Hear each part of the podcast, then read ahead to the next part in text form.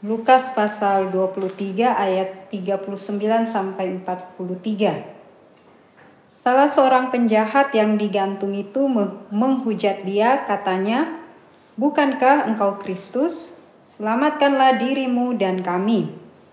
Tetapi yang lain menegur dia, "Tidakkah engkau takut kepada Allah sebab engkau menerima hukuman yang sama?"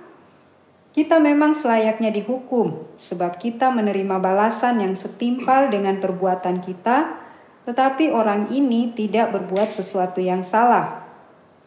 Lalu ia berkata, "Yesus, ingatlah aku apabila engkau datang sebagai raja."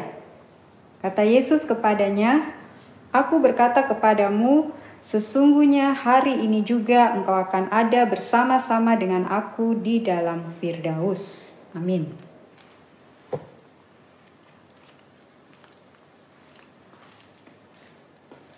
Bapak Ibu, saudara-saudari, adik-adik yang dikasih Tuhan, kalau minggu yang lalu pada hari Minggu tanggal 27 Agustus tahun 2023 kita bahas tentang neraka. Dan mulai tanggal 3 September 2023 ini uh, hari ini kita membahas tentang apa itu surga ya supaya kita sebagai orang percaya sungguh-sungguh tahu apa itu surga dan apa itu neraka karena semuanya itu ada tertulis di dalam Alkitab. Cuma mungkin kita tidak rajin membaca atau tidak mengerti. Sudah membaca tapi tidak mengerti. Dan dari pembacaan tadi dari Lukas 23 ayat 39 43 kita tahu itu adalah peristiwa waktu Tuhan Yesus anak domba Allah disalibkan di atas bukit Golgota. Dan di samping kiri kanan Tuhan Yesus ada dua penjahat. Ada yang di sebelah kirinya, ada yang di sebelah kanannya. Yang di sebelah kanannya menurut literatur atau tulisan-tulisan dari Josephus Flavius, seorang ahli Alkitab, seorang ahli sejarah bangsa Yahudi, dia menjelaskan bahwa yang di sebelah kanan itu bernama Desmas. Desmas ini adalah yang kalau kita tahu penjahat ya di sebelah kanannya Tuhan dan sebelah kiri juga seorang penjahat. Jadi ada dua penjahat Tuhan Yesus yang di tengah. Yang di kanan yang yang mengatakan ingatlah aku ketika engkau Tuhan Yesus datang nanti sebagai raja. Sedangkan yang di sebelah kiri berkata, kalau engkau Tuhan, bebaskanlah kami. Jadi dia semacam menghujat Tuhan Yesus ya. Sehingga yang di sebelah kanan yang bernama Desmas berkata, kalau kita disalib dihukum memang kita salah. Tetapi dia ini betul-betul tidak bersalah. Lanjut si Desmas berkata yang di sebelah kanan, Ingatlah aku Tuhan ketika engkau datang sebagai raja. Jadi si Desmas ini sudah mendengar banyak tentang Tuhan Yesus ya. Sebelum dia ditangkap oleh tentara Romawi dan disalib. Dia sudah dengar Tuhan Yesus menyembuhkan orang sakit. Dia dengar-dengar pengajaran Tuhan Yesus. Dan dia percaya ini adalah Mesias yang ditunggu-tunggu. Beda dengan orang Parisi tahu firman Tuhan, tahu hukum, tahu kitab Taurat, tetapi menyangkal Tuhan Yesus adalah Mesias yang ditunggu-tunggu. Desmas ini menurut tulisan Josephus Flavius, dia adalah termasuk pejuang yang ingin bangsa Israel bebas dari penjajahan Romawi.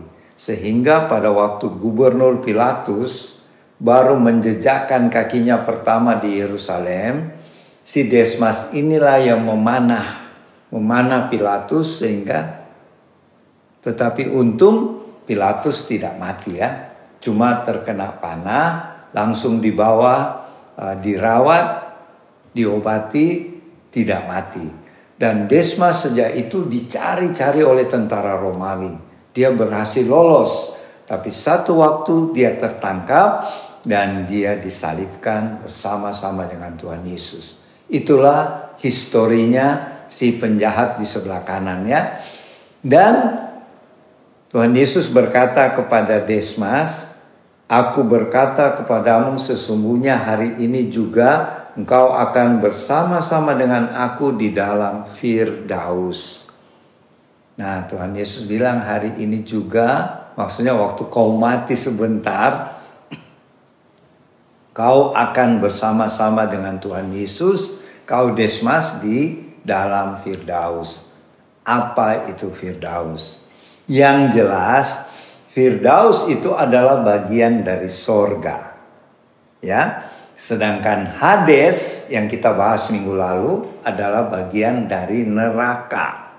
Kalau Hades adalah tempat sementara untuk orang-orang yang jahat, orang-orang yang tidak selamat karena menyangkal Tuhan Yesus sebagai Tuhan dan Juru Selamat, tempatnya itu di Hades. Atau tempat tunggu sementara sebelum pengadilan terakhir. Sedangkan Firdaus adalah tempat bagi jiwa-jiwa yang percaya Tuhan Yesus sebelum meninggal. Jadi ada dua ya, ada dua uh, jenis orang-orang yang masuk ke Firdaus. Yang pertama, orang itu sebelum meninggal percaya Tuhan Yesus. Seperti si Desmas. Dia sebelum mati total di atas kayu salib, dia menerima dan percaya Tuhan Yesus sebagai Tuhan dan Juru Selamat.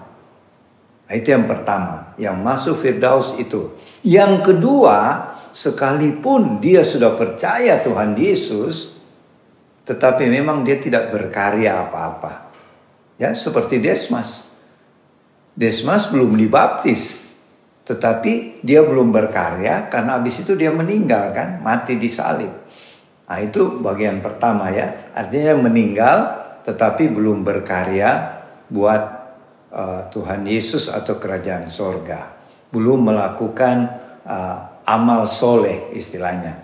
Tetapi jenis yang kedua yang tinggal di Firdaus, orang Kristen, orang percaya yang sudah rajin masuk gereja, tapi imannya tidak bertumbuh-tumbuh. Dia dengar firman tapi seperti masuk telinga kanan keluar telinga kiri. Dia tidak mau berusaha mengerti apa itu firman Tuhan yang dia dengar. Jadi Bapak Ibu, saudara-saudari, adik-adik, kalau kita mendengarkan firman tapi cuma sambil lalu seperti maaf ya masa bodoh atau uh, firman lagi diberitakan seperti saat ini, kita asik main-main HP saja, artinya tidak peduli. Memang kita orang percaya, rajin masuk gereja, rajin ibadah, rajin ikut persekutuan doa, rajin ikut kul, tapi cuma sebagai apa ya? formalitas saja dan tidak ada pertumbuhan iman. Nah, orang-orang seperti ini kalau satu saat meninggal tempatnya di Firdaus. Ya di Firdaus. Bukan di surga tingkat pertama. Jadi Bapak Ibu saudara-saudari adik-adik yang dikasih Tuhan surga itu seperti yang saya alami yang saya alami waktu dibawa ke surga ada pertama yang paling rendah istilahnya ya yaitu Firdaus Kemudian yang kedua surga tingkat pertama. Yang ketiga, surga tingkat kedua. Yang keempat, surga tingkat ketiga. Yang kelima, Yerusalem baru. Ya. Apa syaratnya supaya kita tinggal di Firdaus? Tadi sudah sudah saya jelaskan, yaitu sudah percaya Tuhan tapi belum berkarya karena habis itu meninggal kayak Desmas. Tetapi ada juga orang belum meninggal-meninggal, sudah percaya Tuhan, tetapi imannya tidak bertumbuh. Imannya begitu-begitu saja. Kenapa? Karena dengar firman, tetapi datang burung memakan. Itu perumpamaan apa? Penabur ya. Ketika benih firman ditaburkan, tidak diperhatikan, masa bodoh, datang burung. Burung itu adalah gambaran setan ya. Setan itu mencuri firman itu, tidak bertumbuhlah orang itu. Orang itu tetap selamat, tidak masuk neraka, tetapi kalau di surga dia masuk yang paling di bawah, yang rendah. Sebab di Firdaus itu yang paling rendah tingkatannya ya, tapi sudah bagian surga. Itu sudah lumayan dibandingkan masuk Hades atau neraka. Itu dikatakan iman tingkat pertama. Ada iman tingkat kedua, itu iman tingkat kedua itu akan masuk di surga tingkat pertama. Iman tingkat ketiga masuk di surga tingkat kedua. Nanti kita bahas berikut ya. Iman tingkat keempat masuk di surga tingkat tiga. Iman yang paling tinggi itu yang masuk di Yerusalem baru. Kapan kita punya iman meningkat? Rajinlah baca firman. Rajinlah berdoa. Dan rajinlah melakukan firman Tuhan. Kalau kita cuma membaca tapi tidak melakukan, kita punya iman tidak bertumbuh kan? Tuhan mengatakan di firman, iman tanpa perbuatan mati. Memang dia tidak masuk neraka, tetapi dia cukup di Firdaus. Ya. Dan memang pernah pengalaman Opa waktu dibawa ke surga, ada beberapa hamba Tuhan saya dapati hanya di Firdaus. Tapi hamba Tuhan itu sudah meninggal ya. Saya bilang Tuhan, dia kan pendeta apa hamba Tuhan atau penatua lah, bukan pendeta ya, penatua atau diaken. Ya dia melakukan pelayanan, tetapi dia lakukan bunga bukan dengan iman. Dia melakukan itu seperti formalitas. Ya. Itu yang kalau dikatakan di kitab Wahyu suam-suam kuku, ya. Jadi melakukan sesuatu uh, ritual itu cuma formalitas tetapi bukan dari hatinya. Jadi ingatlah firman Tuhan berkata, Tuhan melihat hati kita. Jadi contoh ya, ada yang saya ketemu orang-orang percaya, orang Kristen, dia bukan pendeta, tapi saya ketemu dia di surga tingkat kedua. Kenapa? Tuhan katakan, kamu lihat kan, dia memang tidak pintar menyanyi. Waktu di gereja dia menyanyi dengan sungguh-sungguh sampai keluar air matanya. Tuhan melihat itu. Oh ini orang sungguh-sungguh memuji saya dengan segenap hatinya. Bukan asal-asal. Kalau asal-asal itu, itu cukup di Firdaus. Tapi dia begitu sungguh-sungguh, padahal dia bukan pendeta, bukan hamba Tuhan. Dia bukan tim pemuji. ya Bukan sebagai tim pemuji di altar. Tapi dia sebagai jemaat biasa, tetapi waktu dia memuji Tuhan, dia sungguh-sungguh. Waktu dia berdoa, dia sungguh-sungguh berdoa. Tuhan melihat hatinya. Dan itu pasti imannya bertumbuh. Makanya dia ada di surga tingkat dua. Jadi sekali lagi Opa mau tekankan, marilah kita sungguh-sungguh dalam kita beribadah, sungguh-sungguh setiap hari membaca firman Tuhan, merenungkan dan melakukan. Bukan cuma membaca merenungkan, tetapi yang paling penting Tuhan Yesus bilang yang berbahagia yang mendengar firman, membaca firman, dan melakukannya.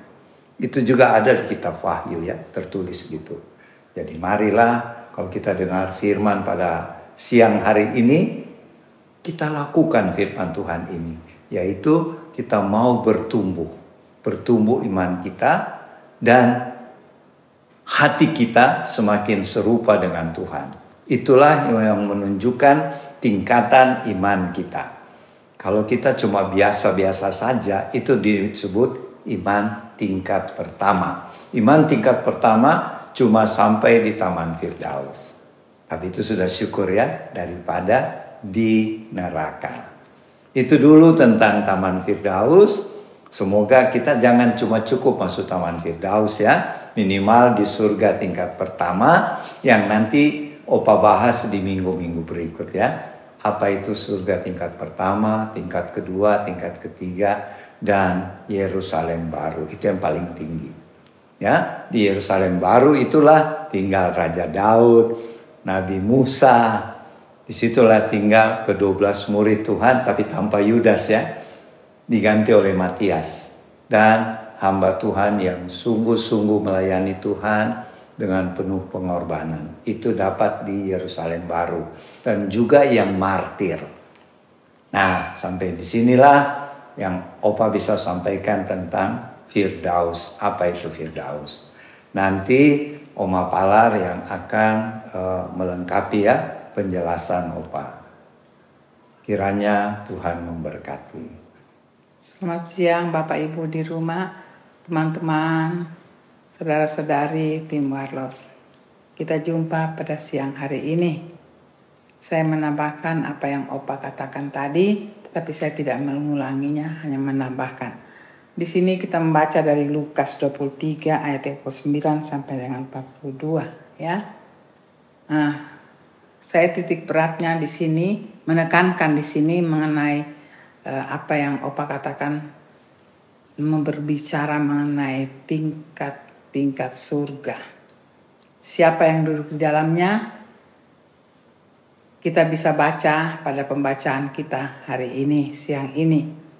Kalau saya melihat dari dua sisi bahwa kedua orang kiri kanan yang mendampingi waktu Kristus Tuhan Yesus disalibkan adalah dua-dua mengenal Tuhan. Zaman akhir ini semua mengenal Tuhan.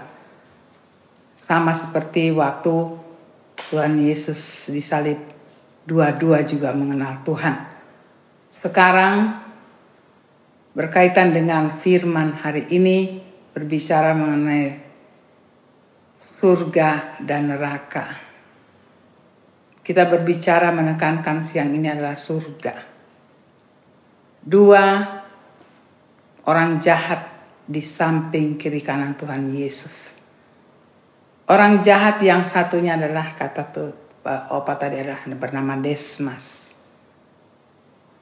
Ia seorang penjahat dan sebelahnya lagi adalah Tuhan Yesus adalah seorang penjabat penjahat juga. Tetapi dua-dua mengenal Tuhan. Kalau kita lihat dari sisi kita sebagai anak Tuhan, mereka juga mengenal Tuhan. Tapi kalau kita lihat mendunia sekarang ini, Injil sudah sampai ke mana-mana. Mereka juga mengenal Tuhan. Jadi penyaliban Tuhan Yesus di kiri kanan, semua mengenal Tuhan. Tetapi bagaimana Tuhan kita tempatkan dalam hidup kita? Saya berkesimpulan bahwa Tuhan Yesus dikenal oleh siapa pun yang namanya manusia. Sampai hari ini kenyataan itu ada. Tetapi bagaimana Tuhan kita tempatkan dalam titik kehidupan kita itu yang paling menentukan dalam pembacaan kita hari ini. Kita berbicara soal soal yang tadi Opa katakan bahwa seorang yang bernama Desmas. Dia adalah orang jahat, tetapi saya percaya yang dia lakukan itu dengan sadar. Dia kenal Tuhan. Pada akhir-akhir hidupnya dia membela. Kalau seorang dengan perkataannya terhadap temannya dia mengatakan kita yang salah. Dan yang satu pada akhir-akhir hidupnya adalah juga mengenal Tuhan. Bagaimana dia menempatkan dirinya sebagai anak Tuhan, sebagai orang yang kenal Tuhan walaupun mungkin tidak percaya, tapi kenal. Tapi dia menempatkan Tuhan adalah pembuat mujizat.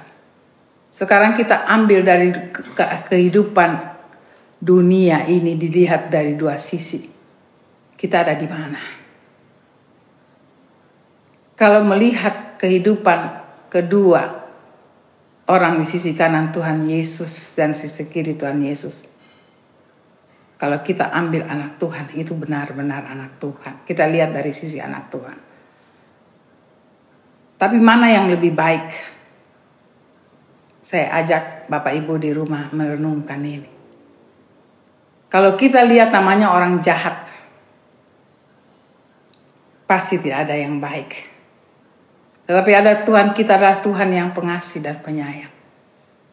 Sampai di atas salib pun dia nyatakan kasihnya. Mari kita renungkan bersama-sama. Dia masih mendengar ada pengakuan. Dia masih mendengar ada pembicaraan. Tuhan Yesus adalah manusia asli. Tapi kekuatan dia menghadapi kehidupan ini yang adalah pekerjaan rumah yang dia berikan katakan untuk bapaknya. Dia masih mendengar kasih itu sampai dia Tuhan Yesus meninggal pun dia masih mendengar. Itulah sifat pribadi Tuhan yang kita harus tahu. Sampai titik penghabisan nafas tinggal satu-satu pun Tuhan memberikan kesempatan bagi anak-anaknya. Kalau itu dibawa pada titik pada situasi anak-anak Tuhan. Saya berbicara anak-anak Tuhan. Karena kita anak-anak Tuhan. Pada titik-titik terakhir sudah tidak ada harapan. Tuhan inginkan pengakuan dari kita. Pengakuan itu yang sangat Tuhan inginkan. Sekali lagi Bapak Ibu di rumah. Pengakuan. Kalau kita dengar, kita lakukan, kita praktekkan pelayanan kami kadang-kadang di akhir-akhir hidup seseorang. Dia mengaku dan Tuhan ingin suaranya keluar. Aku mengakumu Tuhan. Aku mengaku kehidupanku Tuhan. Itu perkenanan Tuhan mendengar saat-saat terakhir hidup. Itulah pribadi Tuhan. Tuhan adalah Tuhan yang pengasih.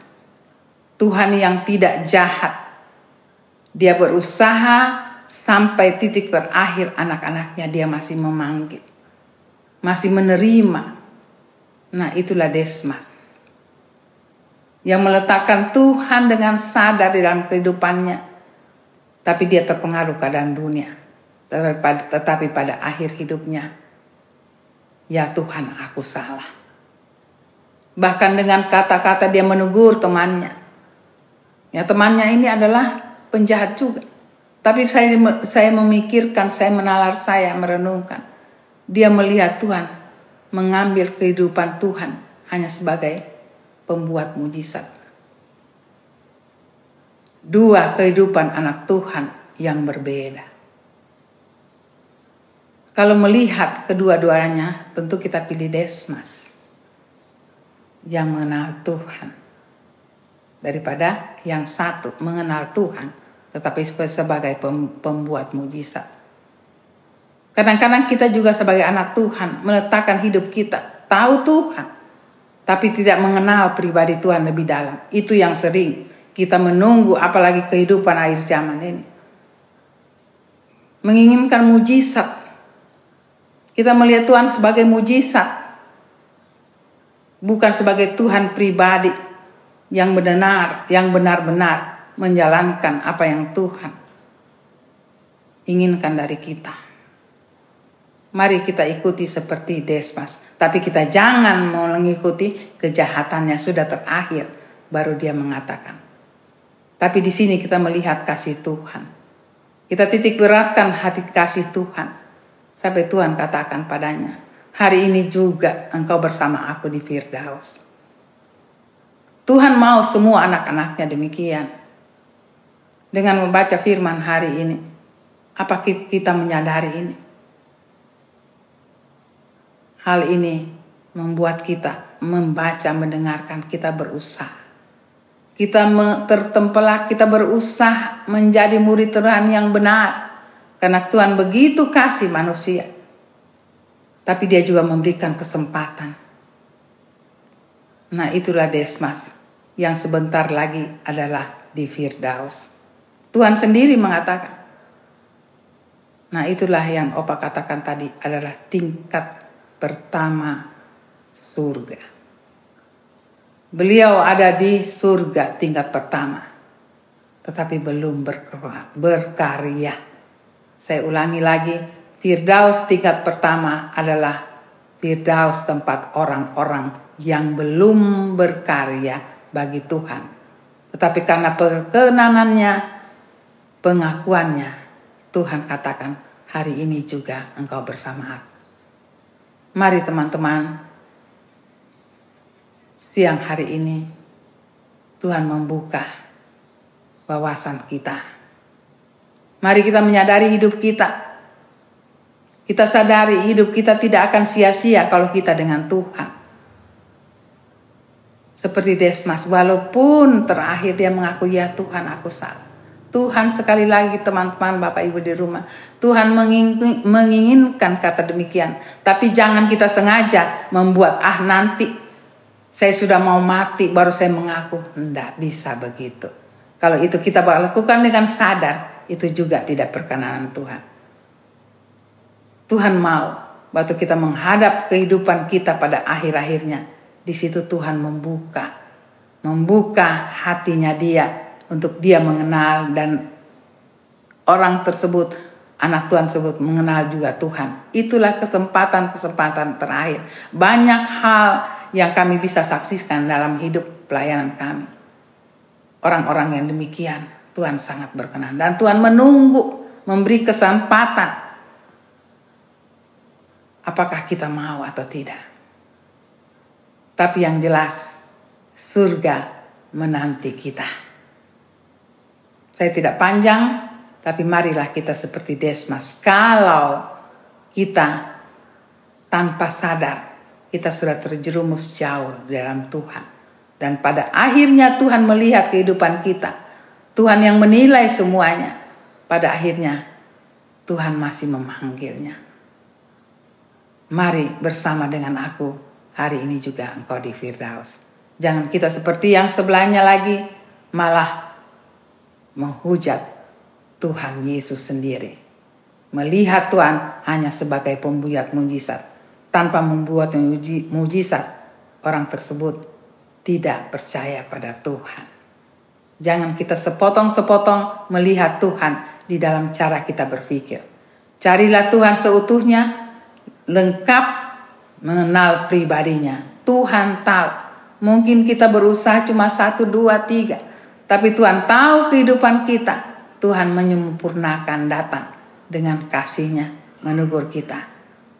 Supaya dia bersama-sama. Supaya kita pun bersama-sama dengan Tuhan Yesus di surga. Di Firdaus. Walaupun Firdaus tetapi itu juga surga. Mari kita dengan keadaan eh, apa yang kita dengar firman hari ini kita berusaha bukan saja firm bukan saja surga tingkat pertama tapi dua tiga empat dan seterusnya.